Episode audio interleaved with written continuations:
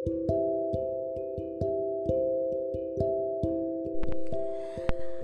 sahabat-sahabat Baba Tere yang Baba Tere hormati, Baba Tere kasihi. Baba kali ini mau mendongeng. Wah, ini dongengnya keren banget nih. Ini tentang konstelasi. Jadi Baba tuh lagi belajar tentang konstelasi teman-teman. Kalau teman-teman sudah sudah menyimak YouTube YouTube Baba yang terakhir, itu Baba bicara soal konstelasi. Karena ternyata kesadarannya udah harus sampai kesadaran bahwa kita adalah bagian dari semesta dan para kreator kita yaitu yang berasal dari Sirius, Arcturian, Pleiadians itu memang memakai konsep konstelasi sebagai cara berkoneksi. Itu konon pada zaman Atlantis, teman-teman ya. Itu banyak sekali portal-portal, terutama sebelum zaman Atlantis, zaman Mu. Ya. Lalu tahun 1800 itu tiba-tiba zamanmu ini lalu diubah namanya menjadi Lemurian. Ceritanya gini, kenapa kok jadi Lemurian? Lemurian itu dia semacam bangsa monkey ya. Kalau teman-teman lihat film apa tuh film yang ada lemur? Apa sih Ki film yang ada lemur tuh? ah film Madagaskar tuh. Jadi kalau teman-teman lihat film Madagaskar tuh kan ada tuh tokoh lemur yang menyembahkan banget tuh ya. Ada tiga penguin ada lemur gitu. Nah lemur itu tuh yang dipakai tuh maksudnya itu. Nah pada suatu saat ada penelitian nah, penelitian itu mempunyai pertanyaan. Jadi lemur itu diketemukan di sebuah tempat yaitu di daerah Afrika lalu ada ditemukan di sebuah tempat yang berseberangan banget jauh itu mungkin di daerah Amerika Selatan itu. Lalu orang bertanya nih, kok bisa ya lemur yang dari dua benua yang berbeda itu sama itu sama-sama mempunyai keturunan yang sama, habitatus yang sama itu. Lalu akhirnya difikirkan bahwa ada daratan ribuan tahun lalu dan daratan itu menghubungkan antara dua benua ini. Nah, lalu daratan itu disebut Lemuria. Padahal sebenarnya yang membuat peradaban itu bertahan selama ribuan tahun hanya untuk bisa mempertahankan data-data yang ada di air di air di Samudra Pasifik supaya air itu yang adalah portal-portal untuk bisa dapat transmisi dari semesta itu uh, tetap dijaga, terutama menjaga apa yang disebut suku-suku bangsa aborigin di Australia. Mereka adalah penjaga keseimbangan portal-portal waktu dan tempat ya jauh sebelum Atlantis ada. Lalu ketika Atlantis ada, teman-teman, Atlantis itu mempergunakan ke kemampuan soundnya untuk menguasai atau mengontrol bumi. Jadi perang antara Lemuria dalam tanda petik Mu dan Atlantis itu tidak dilakukan dengan weapon seperti sekarang teman-teman. Dilakukan melalui suara. Jadi orang-orang Atlantis tahu bahwa suara-suara tertentu itu dia bisa menciptakan e, banyak hal, free energy, wifi gratis ala mereka waktu itu. Ya. Tetapi mereka juga tahu kalau si sound itu dikumpulkan di satu titik itu bisa menjadi bom atom. Dan itu yang terjadi ketika mereka ingin mengalahkan Mu ya orang-orang Lemuria. Itu dilakukan dengan cara sound. Jadi orang-orang Lemuria itu dikumpulkan di suatu tempat ibadah nah biasanya mereka tuh punya tempat ibadah tuh menarik loh kalau nggak piramida Stone Age ya atau mereka tuh kumpul di sebuah tempat yang disebut Pratoktah. Pratoktah itu adalah kumpulan 33 kubus yang dibuat bangunan. Jadi kuilnya itu kuilnya itu berbentuk bangunan yang ada tangga-tangganya. Itu kalau dibelah lalu dilihat dari dua dimensi itu yang disebut cakana, salib cakana, salib dari pegunungan Andes. Ya nah, lalu apa yang terjadi pada hari pengham, penghancuran Lemuria teman-teman wah semua orang Lemuria itu dikumpulkan di rumah ibadah itu. Karena memang di situ mereka tuh bukan rumah ibadah sih maksudnya tempat berkumpul untuk connect dengan uh, saudara-saudara yang ada di bintang-bintang langit ya portalnya lalu Atlantis itu memusatkan seluruh frekuensi sound di tempat itu lalu ditembakkan. Biar dan hasilnya adalah bom atom. Pemusnahan massal Lemuria. Dan itu apa namanya uh,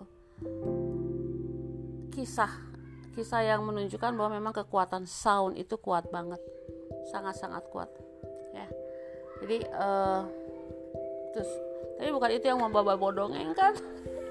Bapaknya muter-muter dulu ya. Soalnya ngedongeng ini tuh mengagumkan banget teman-teman. Nah kali ini babang mau bercerita mengenai sebuah konstelasi. Jadi kenapa konstelasi itu penting? Konstelasi itu penting karena dia adalah pintu gerbang untuk connect dengan mereka yang ada di eh, tempat-tempat uh, lain ya semesta lain kaum Arcturian dan Pleiadians terutama. Lalu konstelasi itu ada banyak. Tapi intinya konstelasi itu bisa dilihat dari belahan bumi utara atau belahan bumi selatan. Nah kalau konstelasi itu ada di tengah-tengah daerah tropis ya di antara dua subtropikal itu dia bisa dilihat dari mana pun juga. Misalnya Ursa Minor Ursa Mayor itu bisa dilihat dari kita Orion bisa dilihat dari setiap titik yang ada di bumi. Tetapi yang misalnya uh, Polaris atau konstelasi polar ya konstelasi beruang itu hanya bisa dilihat dari mereka yang tinggal di sebelah utara Nah, sekarang kita mau bicara tentang apa yang bisa dilihat di sebelah selatan, teman-teman. Kali ini jarang banget diomongin. Nah, kisah-kisah ini teman-teman itu diambil dari mitologi-mitologi Yunani. Karena pada zaman Yunani itu setelah keruntuhan Atlantis, lalu keruntuhan Mesir, lalu satu-satunya cara untuk mengingatkan kita bahwa kita punya koneksitas dengan konstelasi adalah melalui mitologi. Ya, melalui mitologi. Nah, jadi kita bersyukur banget sih karena lalu kita misalnya tahu oh Orion tuh adalah seorang apa sih dewa yang mengejar tujuh gadis cantik Pleiadians si Orion tuh naksir banget nih sama tujuh gadis cantik Pleiadians dikejar terus sampai akhirnya Pleiadiansnya udah nggak bisa ngapa-ngapain lagi. Lalu tujuh gadis cantik itu bilang sama Zeus ya bilang udah kita lempar aja deh ke langit biar kita jadi bintang-bintang di langit supaya nggak bisa dikejar lagi oleh Orion. Lalu akhirnya Zeus menem menembakkan tujuh bintang Pleiadians ke langit. Ya itu mitologi-mitologi tersebut Nah, lalu orang Indonesia sangat-sangat kreatif, dibuatlah mitologi tujuh bidadari cantik turun dari kahyangan untuk mandi.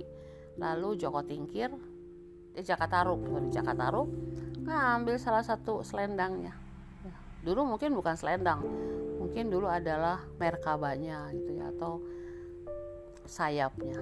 Jadi anyway, selalu tentang mitologi ya, mitologi. Nah, ini adalah mitologi tentang sebuah konstelasi Nah, konstelasi itu ada di sebelah selatan bumi.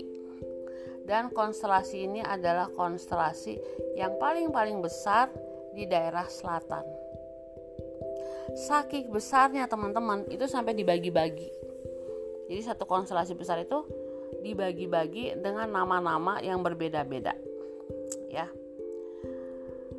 Ada yang disebut konstelasi Karina, Pupis, Pikis, dan Vela. Konstelasi itu nama keseluruhannya adalah konstelasi Argonavis. Argonavis teman-teman ini dia ceritanya nih. Itu dalam mitologi itu berasal dari sejarah Argonauts. Argonauts itu terjemahannya adalah seorang uh, pelaut yang punya kecepatan tinggi dalam berlayar ya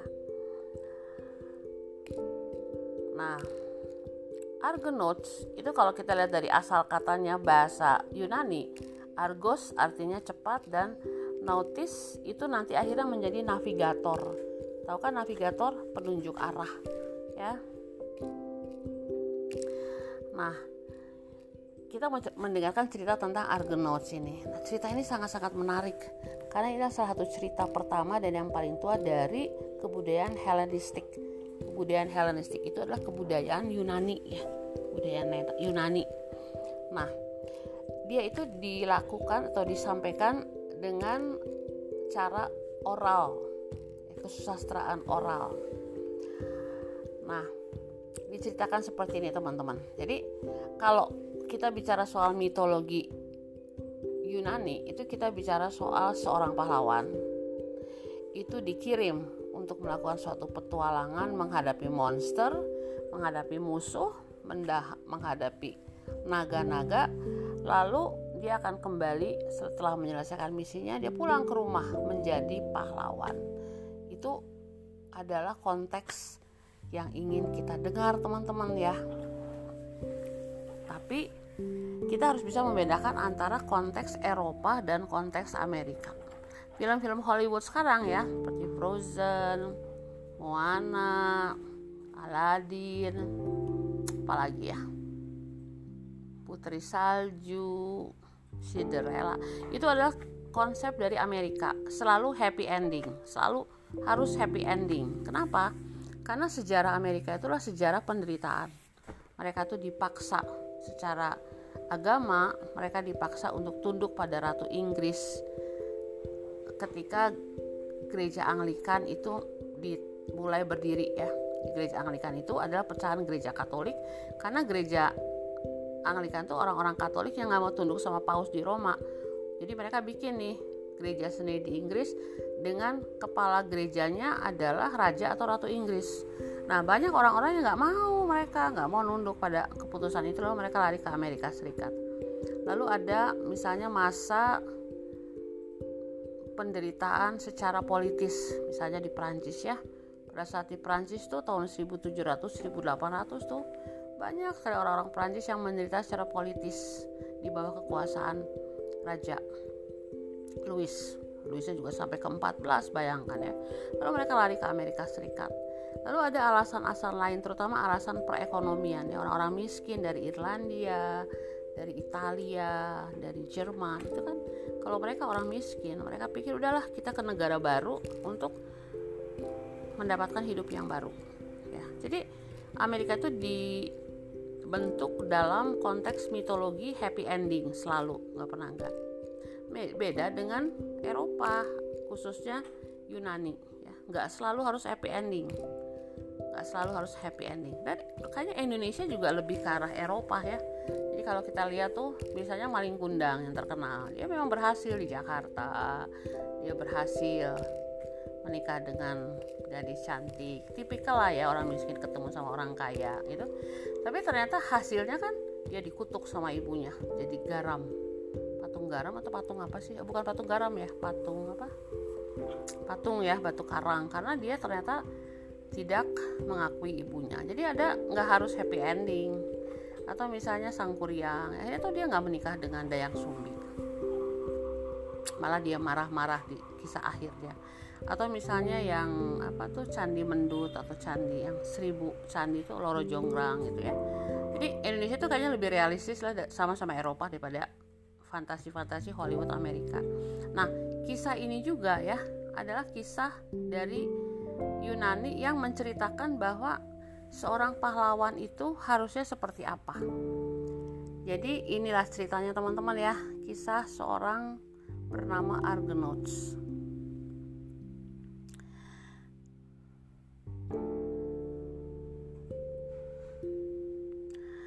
Oke, jadi uh, diceritakan, diceritakan gini ya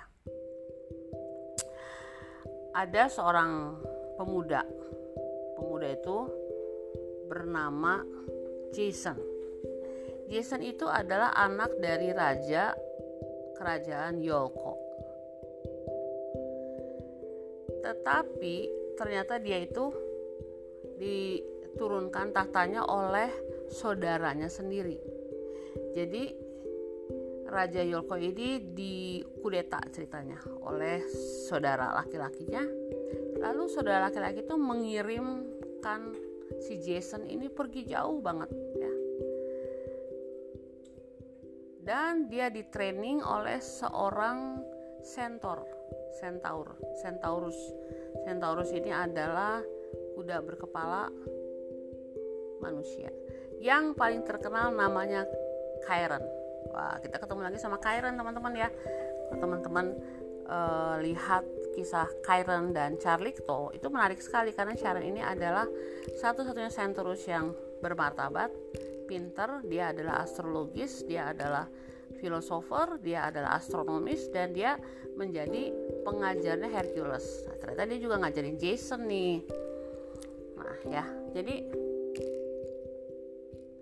Chiron itu mengajarkan Jason berbagai macam tipe kesenian tujuannya apa sih tujuannya seni itu bisa memberikan masukan atau makanan bukan saja pada tubuhnya tetapi jiwanya itu sebabnya Jason lalu berani untuk mengklaim tahtanya. Tetapi ternyata pamannya itu malah membuat suatu proposal, suatu tantangan. Tantangannya tuh gini. Kalau kamu bisa mengambil uh, sesuatu yang terbuat dari emas ya, namanya golden fleece, maka dia akan mendapatkan kembali tahtanya. Wah. Apa sih golden fleece? Ah, ini menarik banget nih golden fleece, teman-teman. Golden fleece itu adalah uh, bulu dari kambing. Menurut mitologi ya, ada yang disebut mitologi ram yang magis. Itu anaknya dari Poseidon. Poison itu punya anak namanya Magical Ram. Nah, si Magical Ram itu di bawah komando para dewi-dewi dari awan namanya Neville itu diminta untuk menyelamatkan dua dari anaknya yang diambil oleh ibu tiri mereka Nah, lalu Ram ini dia berhasil dan dia ditempatkan di langit dan menjadi konstelasi namanya konstelasi bintang Aries. Jadi ternyata cerita bintang Aries seperti itu teman-teman. Kebetulan Bapak juga Aries. Nah, tetapi dia punya bagian bulunya itu tetap tinggal di simpan di tempat di mana ibunya berada. Ibunya itu namanya Theophane. Nah, Theophane itu adalah sebuah pohon yang dijaga oleh sebuah seekor naga dengan dua buah kerbau yang bisa bernafaskan mengeluarkan nafas api melalui suara-suara mereka. Kebanyak banget ya. Itu imajinasinya harus kuat banget tuh. Jadi udah ada Aries yaitu si kambing magic ini ya. Lalu ibunya ternyata sebuah pohon yang dijaga oleh monster. Monsternya adalah yang disebut naga dan dua kerbau buffalo ya banteng lah bukan kerbau banteng yang bisa bernafas api. Keren ya terus. Tapi segala sesuatu tuh punya cerit punya alasan. Kenapa itu diceritakan tuh? Selalu punya alasan ya. Jadi sebenarnya kalau dipikir-pikir tuh ya Jason tuh kayaknya mungkin bakal gagal mendapatkan bulu domba itu. Karena nggak sesuatu yang nggak mungkin lah. Sebenarnya itu kan tujuannya adalah supaya raja itu ingin supaya Jason meninggal dia mati dalam misinya tetapi karena dia berani menerima tantangannya dan menjalankan petualangannya ya, maka ini yang dilakukan oleh Jason pertama kali. Pertama dia melihat sebuah, dia mencari sebuah perahu yang paling cepat yang pernah ada di seluruh penjuru semesta. Yang terbaik dari semua perahu yang ada di segala penjuru semesta dia menemukan perahu itu yang ada di bawah kapten bernama El Velos.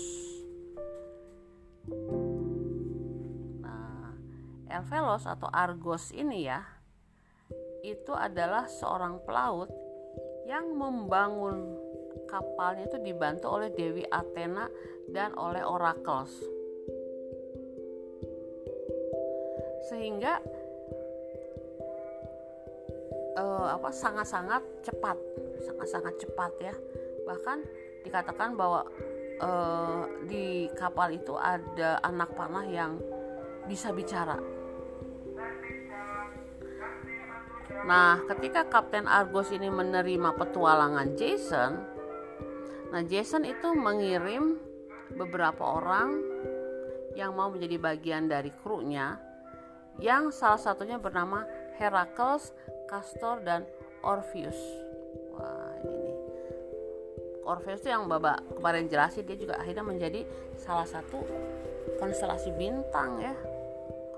Dia tuh menjadi yang disebut wah keren banget lah Orpheus wah Orpheus siapa coba eh sorry sorry Orpheus itu bukan konstelasi bintang Orpheus itu adalah cerita baba tentang seorang dewa yang dia memainkan musik dengan sangat baik yaitu memainkan musik bernama lira ya alat musiknya itu lira harpa kecil gitu yang sangat indah sehingga monster-monster aja tunduk pada musiknya si Orpheus ini. Ya jadi Orpheus itu akhirnya memang dia uh, tipe-tipenya sama sih sama si Jason. Nanti kita dengar ceritanya ya nah. Jadi akhirnya Jason ditemani sama orang-orang terkenal ini ya. Orpheus, Heracles, dan Castor. Dengan 50 orang lainnya mulai melakukan perjalanan melalui berbagai macam pulau baik yang dikenal pun yang tidak dikenal. Akhirnya mereka mencapai tujuan mereka yaitu sebuah tanah bernama Kolkis yang sekarang adalah daerah Georgia di Kaukasus ya. Lalu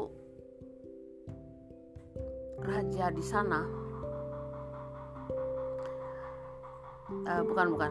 Uh, dia ingat apa yang dikatakan oleh janji pamannya bahwa kalau dia bisa mengambil fleece itu atau bulu domba itu maka bulu domba itu yang akan bisa menjinakkan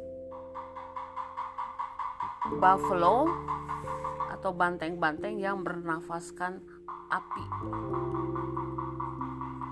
Ya, lalu bisa mengalahkan sang naga. Naga lagi. Ya, selalu tentang naga, ya.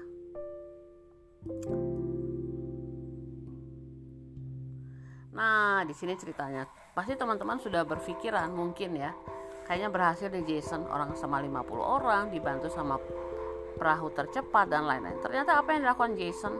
Uh, semua pencinta kisah orang-orang Yunani itu percaya pada, pada suka ya, suka kalau ceritanya itu arahnya berbeda.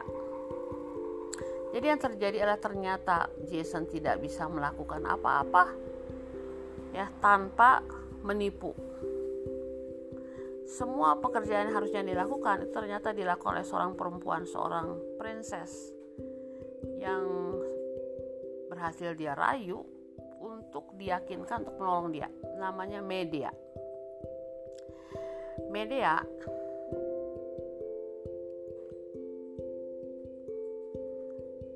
dengan keahliannya itu lalu membuat banteng-banteng itu dan naga-naga itu tidur sehingga membuat Jason berhasil mengambil bulu domba emas itu lalu dia kembali menikahi media.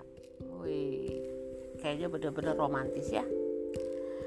Dengan media dia pergi ke kembali ke kerajaannya di Yolko sebagai seorang pahlawan yang sukses yang berhasil. Tetapi apa yang terjadi? Pamannya menolak memberikan dia kekuasaan.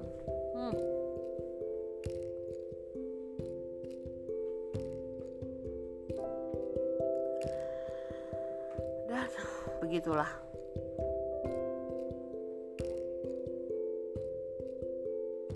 Media seperti biasa membantu kembali. Dia membantu Jason dengan apa coba? Dengan membunuh pamannya sehingga akhirnya Jason dan media akhirnya menjadi raja harusnya sih yang hidup bahagia selama-lamanya ya. Harusnya kan live happily ever ever after. Tetapi penulisnya ternyata bukan Walt Disney teman-teman. Kalau Walt Disney pasti ceritanya udah selesai di situ. Ceritanya nggak seperti itu. Para penulis Yunani itu lalu membuat cerita ya bahwa sepupunya Jason ya yang pamannya itu anak pamannya yang dibunuh oleh media itu akhirnya apa coba? Mengambil alih kembali kudeta lagi melawan Jason dan mengirimkan pasangan itu ke Korintus. Nah Korintus ya. Nah karena Jason lalu benar-benar bosan sama kehidupan normalnya lalu dia mulai selingkuh ketemu dengan perempuan-perempuan lain. Akibatnya apa? Media marah dong, lalu dia mengutuk Jason menjadi miskin dan ditelantarkan oleh setiap orang. Hmm, kisah yang paling mengerikan teman-teman, tapi ada nilai moralnya di sini. Mulai nilai moralnya itu sebenarnya dari kisah mitologi itu intinya itu bahwa di langit itu kapal besar dan cepat milik Argos itu akhirnya hancur berkeping-keping. Lalu dibuatlah konstelasi. Ya, konstelasi adalah konstelasi Karina, Pupis, Vela, Pixis, dan tidak ada lagi satu kapal yang sama ya.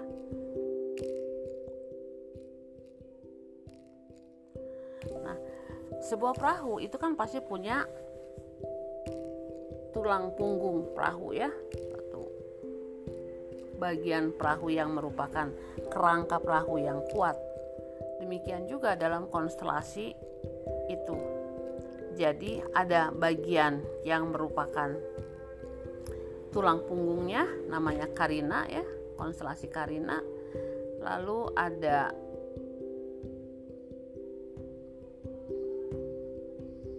pupis. Ya, ada pupis itu adalah uh, mesin-mesinnya. Lalu ada vela. Ya, vela itu adalah uh, yang membuat bagian-bagian lain dari perahu itu lalu ada pixis pixis itu adalah kompas ya. Ya kompas dari si perahu itu.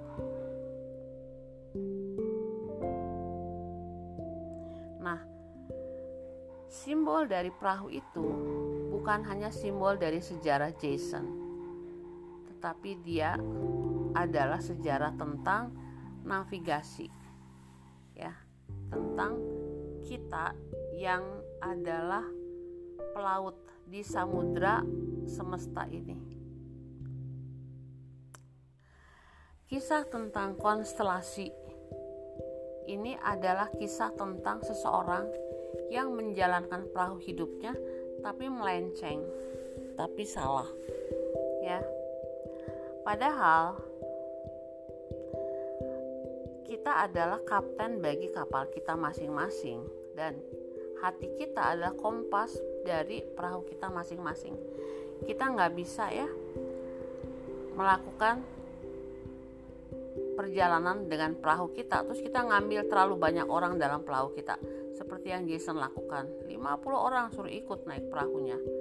50 kepala disatukan kan belum tentu semuanya setuju satu sama lain. Jadi uh, hal pertama yang harus dilakukan oleh kita adalah kita harus tahu bahwa navigasi itu artinya memimpin.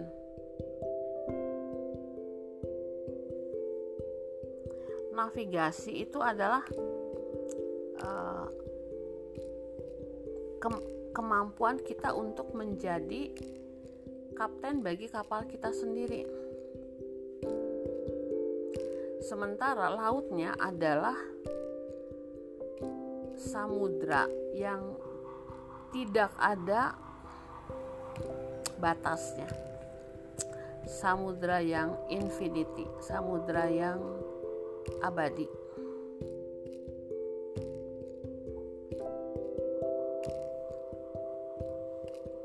Lalu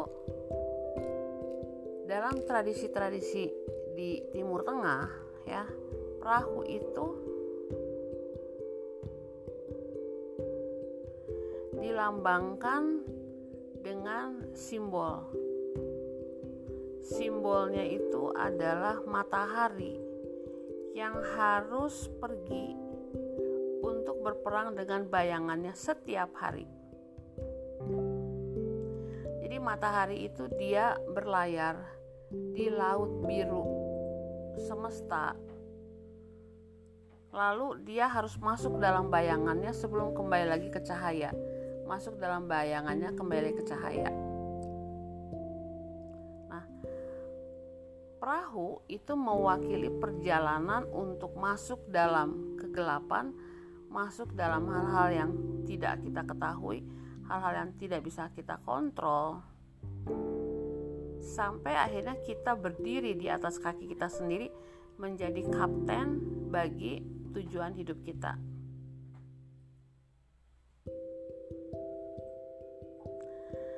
Jason gagal seperti itu. Jason gagal seperti itu. Padahal Jason adalah perahu. Dia punya tulang belakang dia punya eksis, dia punya poros. Nah, dalam mengarungi samudera semesta itu harus selalu ada aturan. Karena kalau nggak ada aturan, maka kita nggak tahu arah. Semuanya itu harus mengikuti alur, mengikuti alur. Kalau tidak, maka kita akan kehilangan atau kita tidak akan sadar pada saat angin datang mendorong perahu kita untuk melakukan perjalanan yang sangat-sangat ekspansif. Seperti matahari yang adalah raja dari langit, sehingga akhirnya dia adalah navigator ya kita juga adalah matahari. Karena kita punya matahari di dalam diri kita di mana lalu kita akhirnya bisa melampaui laut-laut yang kita sedang seberangi. Nah untuk menjadi seorang navigator yang baik kita harus mengenal lautan kita dengan baik. Gelombangnya alirannya bagaimana cara mengobservasi bintang-bintang, cara menginterpretasi awan-awan, kita bisa berbicara dengan uh, langit, ya. Lalu di langit kita lihat ada bintang-bintang yang dia diam gak bergerak. Lalu ada planet-planet yang itu adalah mengindikasikan arah-arah dari kita sebagai para pelaut. Nah, kita harus tetap teguh pada poros kita. Dan poros kita itu disebut poros divinitas kita ya. Nah itu sekarang menjadi konstelasi Karina poros divinitas kita itu membawa hukum-hukum semesta yang sifatnya spiritual untuk bisa melewati lautan eksistensi di mana kita berada.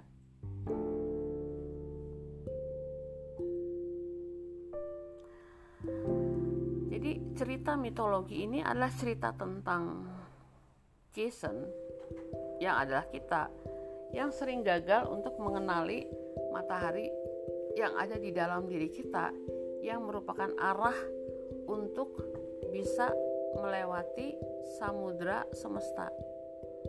Kadang-kadang kita lupa bahwa kita punya karina di dalam diri kita, kita punya poros, kita punya eksis.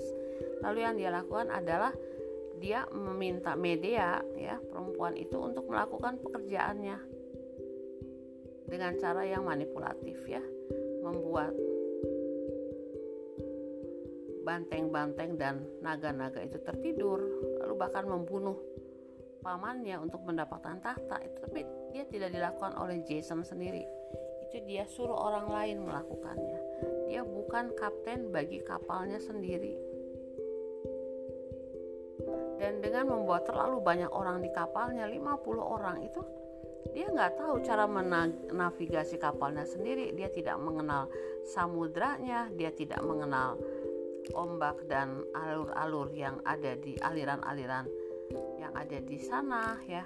Dia nggak tahu cara mengobservasi langit menginterpretasikan awan-awan dia nggak bisa tahu mana yang merupakan fixed stars dan planet ya yang akan menjadi indikator bagi arah di mana dia berjalan. Dia nggak tahu.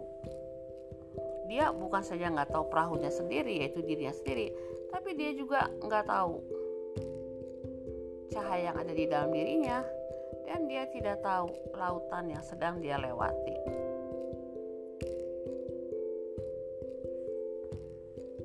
cerita Jason ini mengingatkan kepada kita bahwa hal yang paling utama adalah menjadi pemerintah bagi diri kita sendiri, menjadi pemimpin bagi diri kita sendiri, seperti matahari yang bisa memimpin dirinya sendiri. Ya, dia menjadi kapten dari perahunya sendiri, yaitu perahu semesta ini, perahu tata surya ini. Harus tahu bagaimana mengontrol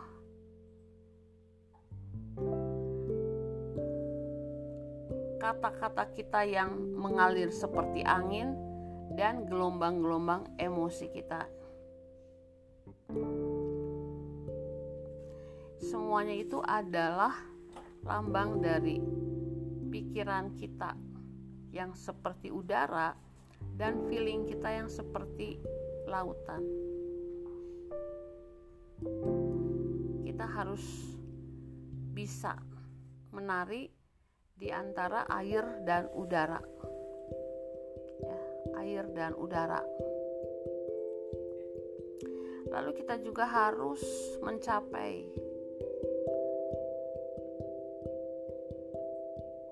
tujuan dari petualangan yang mungkin tidak kita ketahui sebelumnya.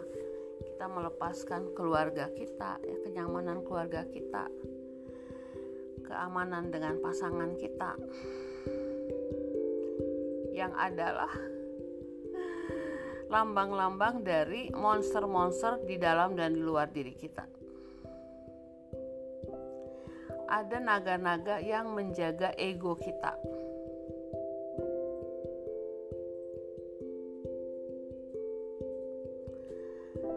Ada ram ada kambing, ada aries-aries yang kita jumpai dalam perjalanan hidup kita. Nah, Aries atau kambing itu digambarkan dia mempunyai bulu ya bulu emas. Kenapa? Karena dia bercahaya dari dalam dirinya sendiri. Dia mengenal dirinya sendiri. Dari apa? Dari tingkat kesadaran dia, bukan bawah sadar.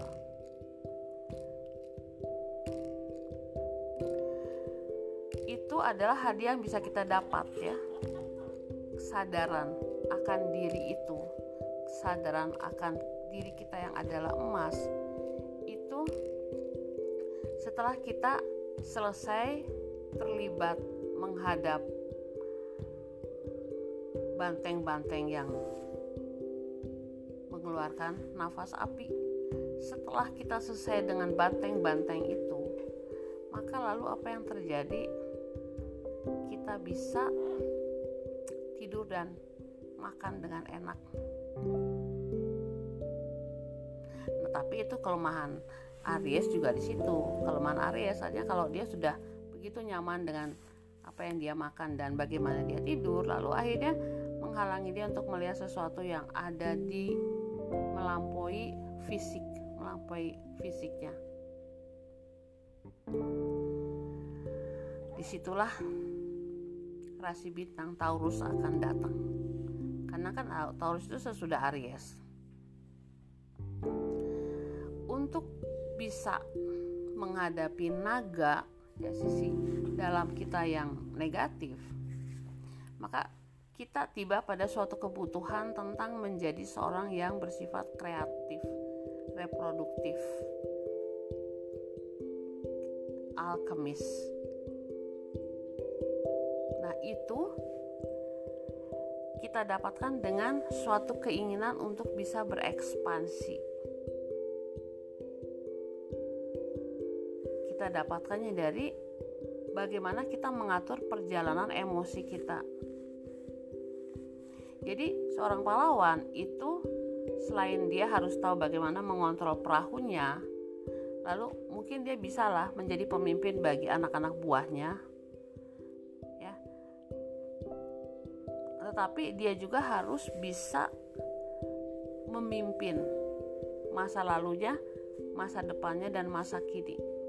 Itu baru dikatakan bahwa dia bisa bertahta bagi dirinya sendiri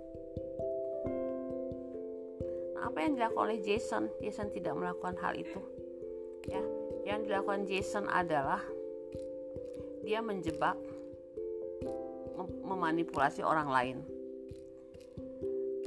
Karena dia dipimpin oleh gairah-gairah bawah sadarnya yaitu keinginannya untuk jadi raja. Itu yang disebut low passion.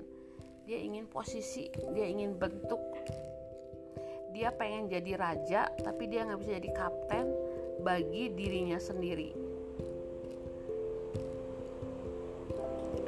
Ya dia menelantarkan teman-temannya dalam perjalanan.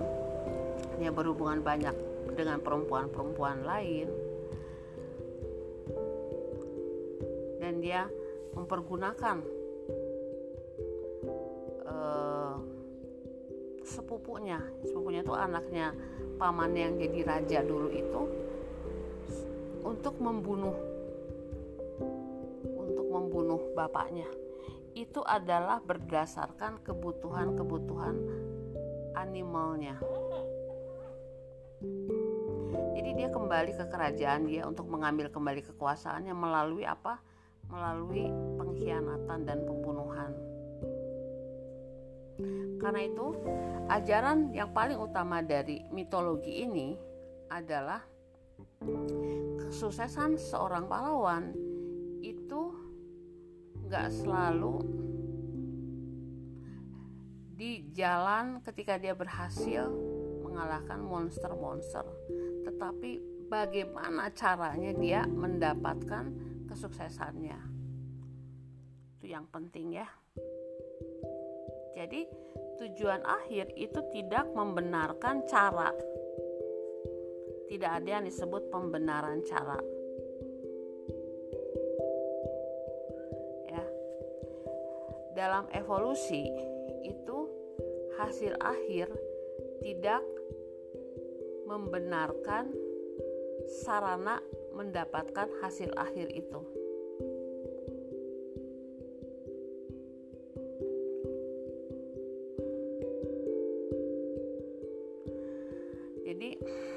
Dalam mencapai tahap integrasi ya, tahap ke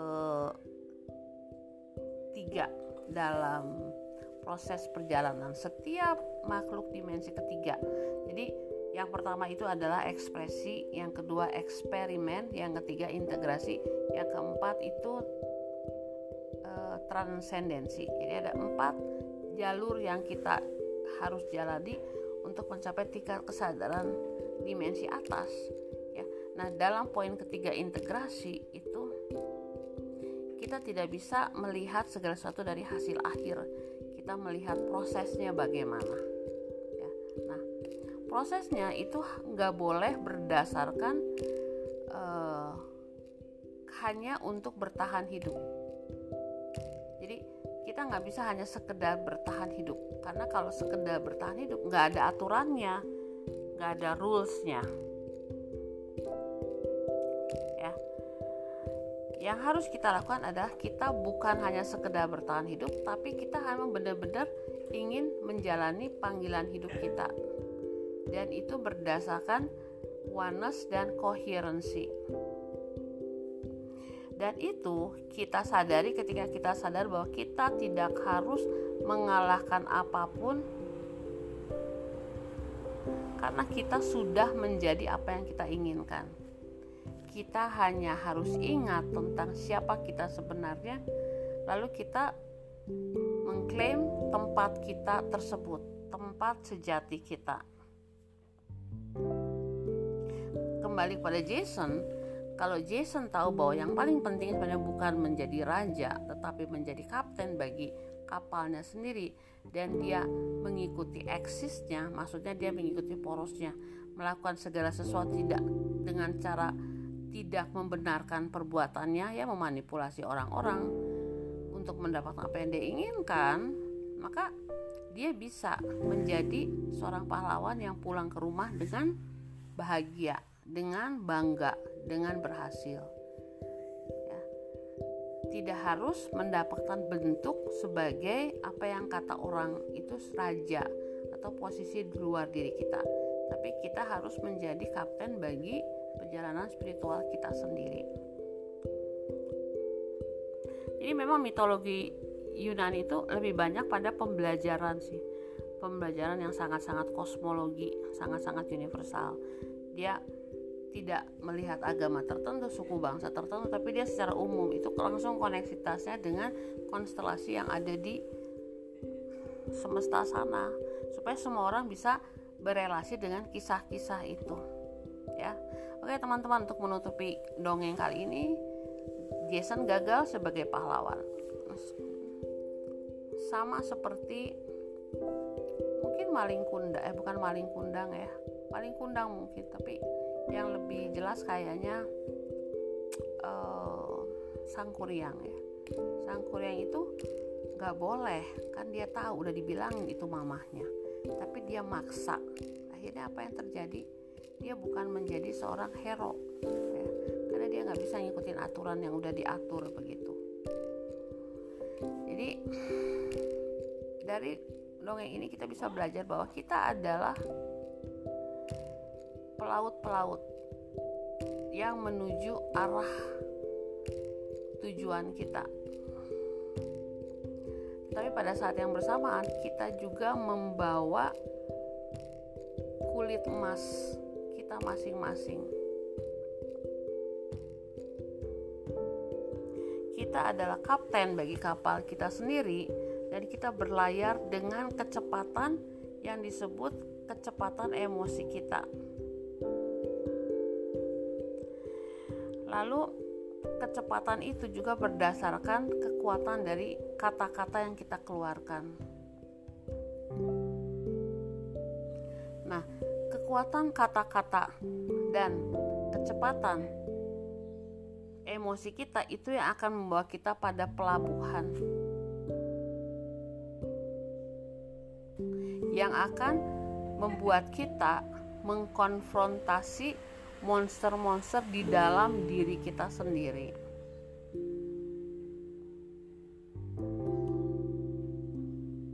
Ya, jadi itu adalah cara cara cara untuk bisa akhirnya pulang sebagai pahlawan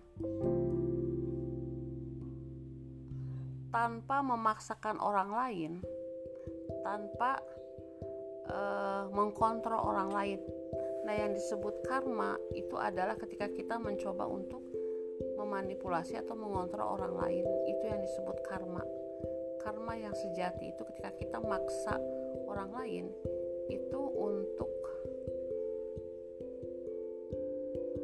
melepaskan karinanya, melepaskan eksisnya, melepaskan dirinya sebagai kapten kapal dirinya sendiri, lalu menjadi budak kita. Itu namanya karma. Dan kita harus kembali lagi dalam kehidupan berikutnya untuk menyelesaikan karma itu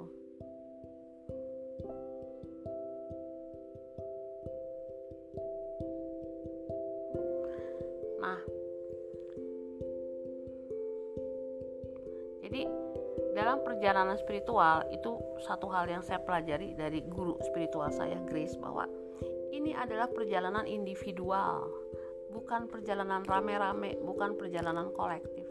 Jason bawa 50 orang termasuk Orpheus ya jadi dia tuh kayak gak bisa sendiri dia nyuruh orang nemenin dia untuk bisa ngalahin monster-monster itu padahal monster yang sebenarnya itu ada di dalam dirinya sendiri yaitu ketika dia mengulangi lingkaran karma dengan memanipulasi orang-orang yang ada di sekitarnya jadi semua misi tujuan apa pun yang kita uh, ingin capai dalam kehidupan ini itu adalah urusan kita dan kita sendiri itulah tanggung jawab kita untuk menavigasi ke segala samudera yang harus kita lewati. Gak penting sebenarnya ya untuk mendapatkan apa yang orang lain ingin kita capai. Misalnya, Jason disuruh ngambil bulu domba emas punyaan Aries. Gak penting itu. Jason disuruh melawan banteng-banteng bernafaskan api lalu naga-naga yang juga bernafas api nggak penting itu itu misinya si raja itu bukan misinya Jason ya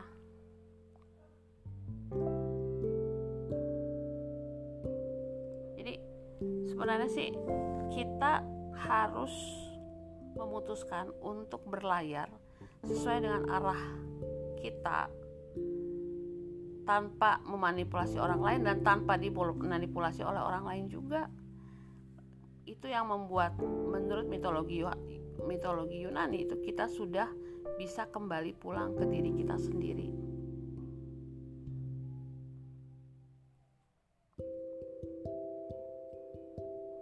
Nah, inilah pembelajaran yang paling-paling mengagetkan bahwa apa pun yang kita lakukan pada orang lain itu adalah tindakan egois kita.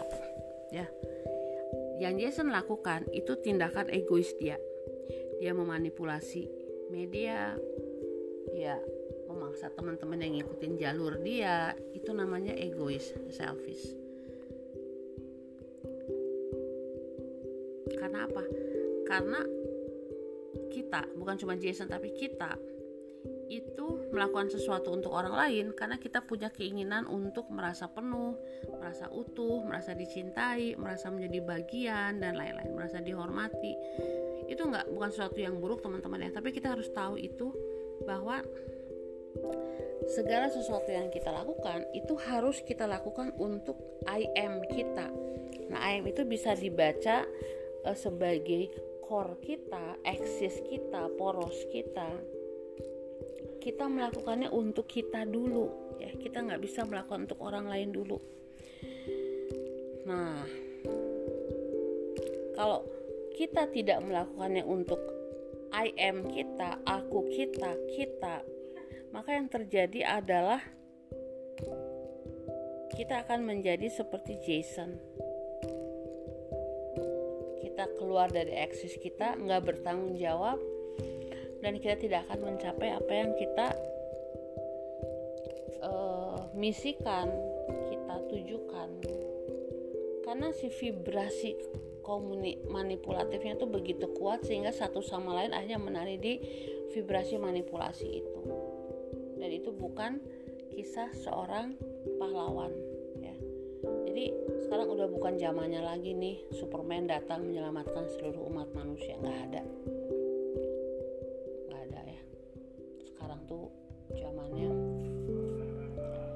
Kita harus menjadi kita harus menjadi pahlawan bagi diri kita sendiri baru kita bisa bantu dunia. Ya teman-teman. Oke sampai sini saja